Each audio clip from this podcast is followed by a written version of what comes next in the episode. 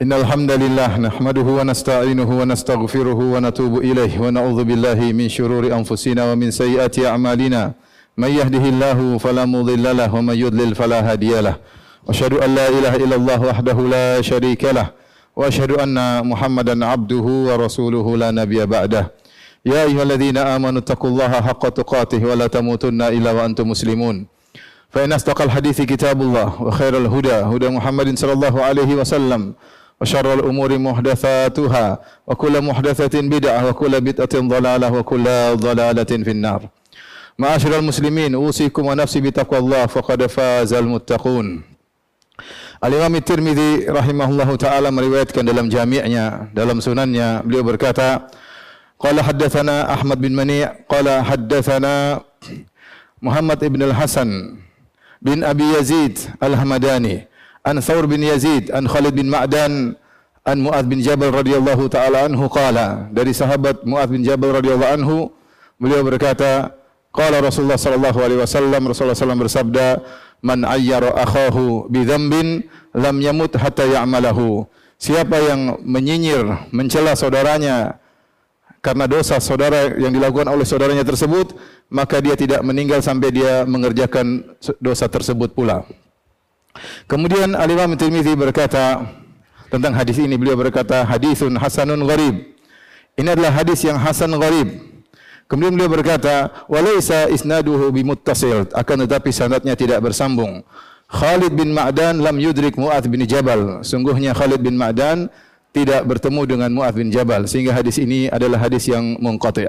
Hadis ini secara sanad bermasalah sebagaimana disebutkan tadi Imam Tirmizi bahwasanya hadisnya sanadnya terputus karena Khalid bin Ma'dan salah seorang ulama tabi'in tidak bertemu dengan Mu'adz ibn Jabal radhiyallahu taala anhu sehingga sanadnya terputus. Demikian juga sebagian ulama memandang hadis adalah hadis yang maudhu karena ada perawi di bawahnya itu Muhammad bin Hasan Al-Hamadani dinyatakan pendusta oleh Yahya bin Ma'in dan para ulama yang lainnya sehingga hadis ini digolongkan dengan hadis-hadis yang maudhu.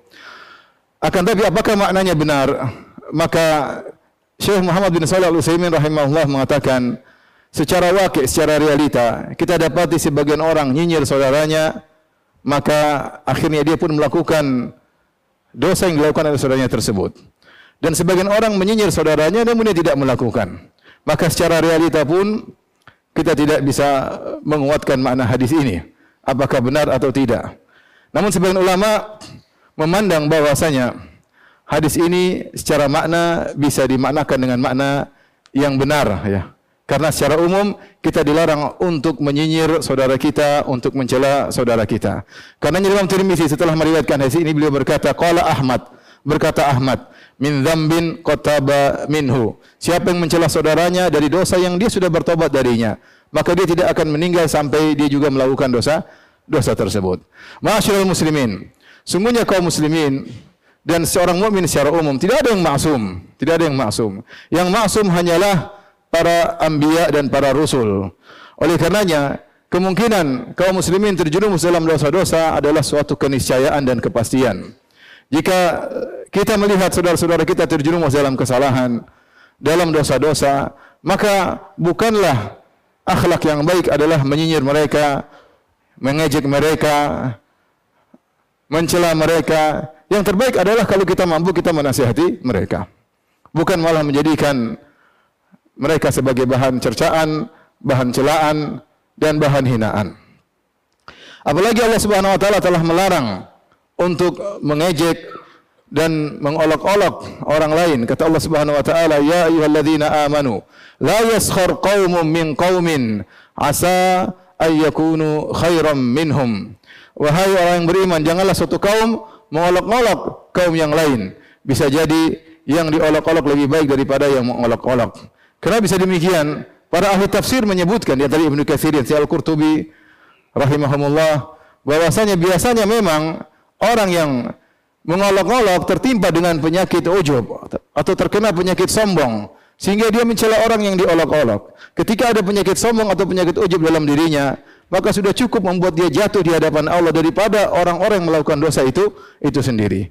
Maka tentu dibedakan antara nasihat dengan takyir, antara memberi nasihat dan mencerca. Kalau ada saudara kita yang terjerumus dalam kesalahan, maka hendaknya kita menasehatinya, datang kepadanya dan menyampaikan dengan kata-kata yang bijak dan baik. Semoga dia meninggalkan dosa yang dia lakukan. Kita sedih kalau ada saudara-saudara kita terjerumus dalam kesalahan-kesalahan. Sebagaimana kita ingin kita tidak terjerumus dalam kesalahan-kesalahan tersebut. Namun ingat kata Syekh Muhammad bin Shalih Al-Utsaimin rahimahullahu taala, realita juga menunjukkan bahwasanya ada sebagian orang yang mencerca saudaranya, kemudian dia sendiri terjerumus dalam dosa tersebut. Sebagian orang mencerca saudaranya karena kesalahan saudaranya, dia jadikan bahan celaan, bahan cercaan, dia pun akhirnya sebelum meninggal terjerumus dalam dosa tersebut dan ini menjadikan kita hendaknya waspada, jangan sampai kita memiliki sifat suka nyinyir, suka mengolok-olok. Kalau mau menasihati dengan cara yang baik, aku lu qouli hadza astaghfirullah li wa lakum muslimin kulli dhanbin khati'ah fastaghfiruhu innahu huwal ghafurur rahim.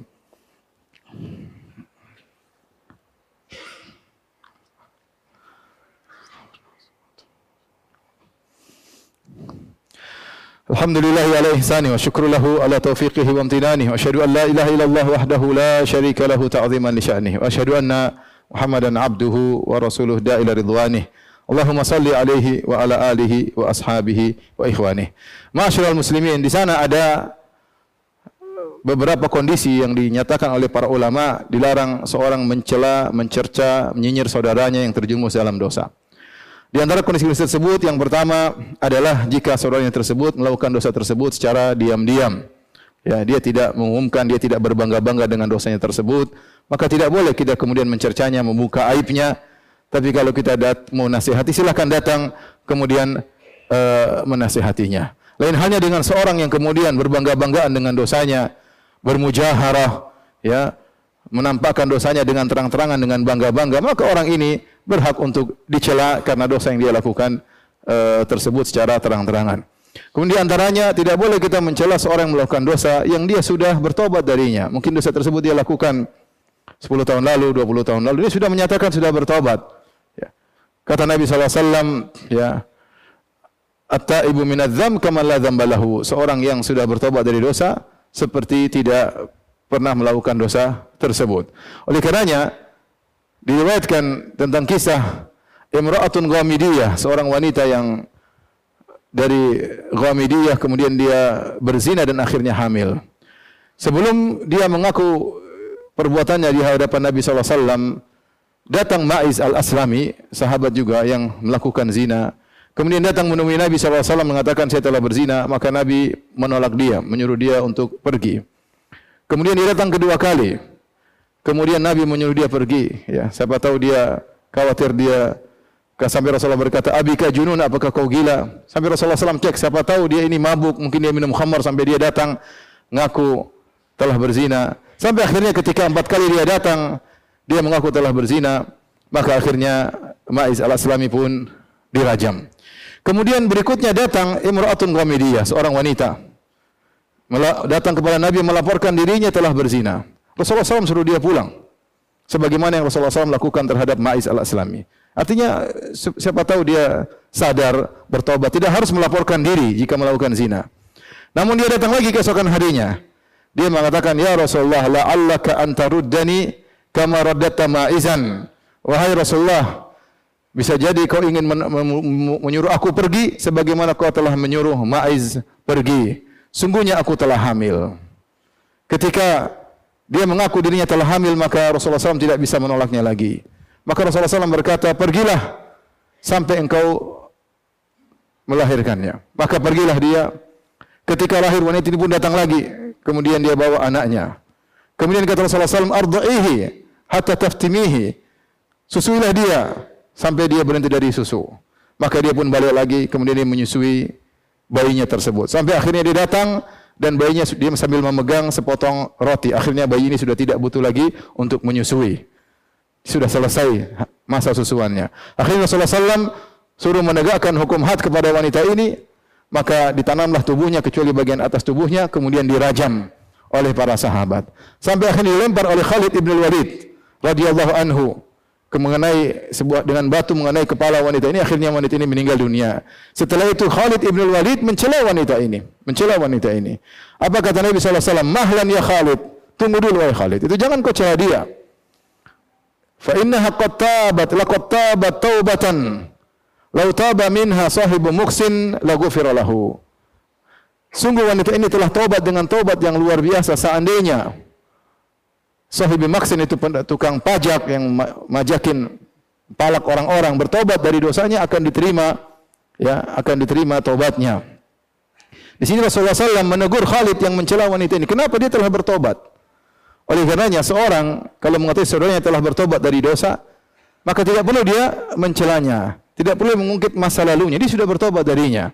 Khalid bin Walid ditegur oleh Nabi sallallahu alaihi wasallam. Dan kita tahu di antara saudara-saudara kita ada yang pernah melakukan kesalahan, ada yang pernah terjerumus dalam pemikiran, ada yang ya pernah terjerumus dalam dosa, maka tidak boleh kita mencelanya karena dia sudah bertobat dari dosa tersebut.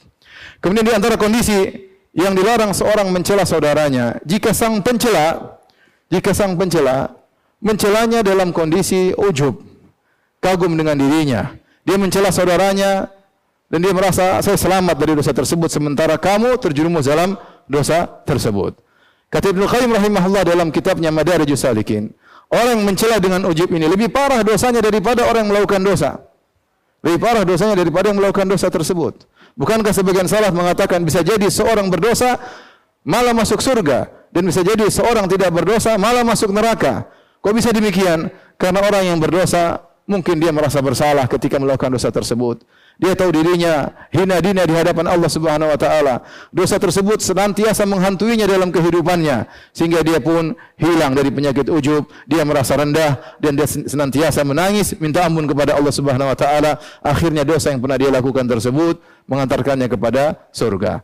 Sementara sebaliknya, ada orang yang mungkin tidak berdosa, tapi dia ujub, dia merasa bangga bisa selamat dari dosa tersebut, kemudian dia mencela orang lain, menghina orang lain.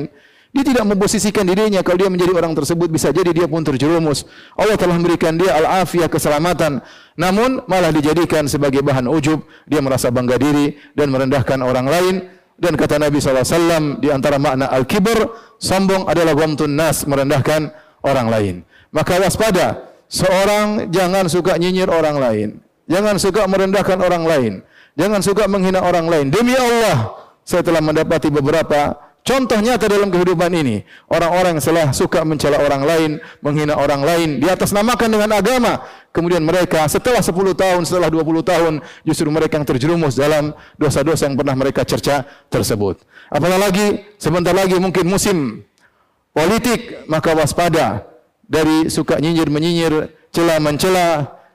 Jangankan kepada dosa yang sedang dilakukan, apalagi kepada dosa-dosa yang tidak dilakukan, tuduhan Tuhan yang tidak benar maka seorang bertakwa kepada Allah Subhanahu wa taala. Jangan hanya karena perkara dunia kemudian terjerumus dalam sukhriyah, hina menghina, nyinyir menyinyir hanya karena dunia yang belum tentu bisa mendekatkan dia kepada Allah Subhanahu wa taala bahkan bisa menjauhkan dia dari Allah Subhanahu wa taala. Innallaha malaikatahu yusalluna 'alan nabi ya ayyuhalladzina amanu sallu 'alaihi wa sallimu taslima. Allahumma salli ala Muhammad wa ala ali Muhammad kama sallaita ala Ibrahim wa ala ali Ibrahim innaka Hamidum Majid. Wa barik ala Muhammad wa ala ali Muhammad kama barakta ala Ibrahim wa ala ali Ibrahim innaka Hamidum Majid. Allahumma ighfir muslimina wal muslimat wal mu'minina wal mu'minat al ahya'i minhum wal amwat innaka samii'un mujibu da'wat wa yaqadhiyal hajat. Allahumma ati nufusana taqwaha wa zakkiha anta khairu man zakkaha. Anta wali wa maulaha. Allahumma ighfir lana dhunubana jillaha wa diqqaha awwalaha wa akhiraha وعلنها وسرها وكل ذلك عندنا. ربنا ظلمنا أنفسنا وإن لم تغفر لنا وترحمنا لنكونن من الخاسرين. ربنا اغفر لنا ولوالدينا وارحمهم كما ربونا صغارا. ربنا آتنا في الدنيا حسنة وفي الآخرة حسنة وقنا عذاب النار. وأقيموا الصلاة.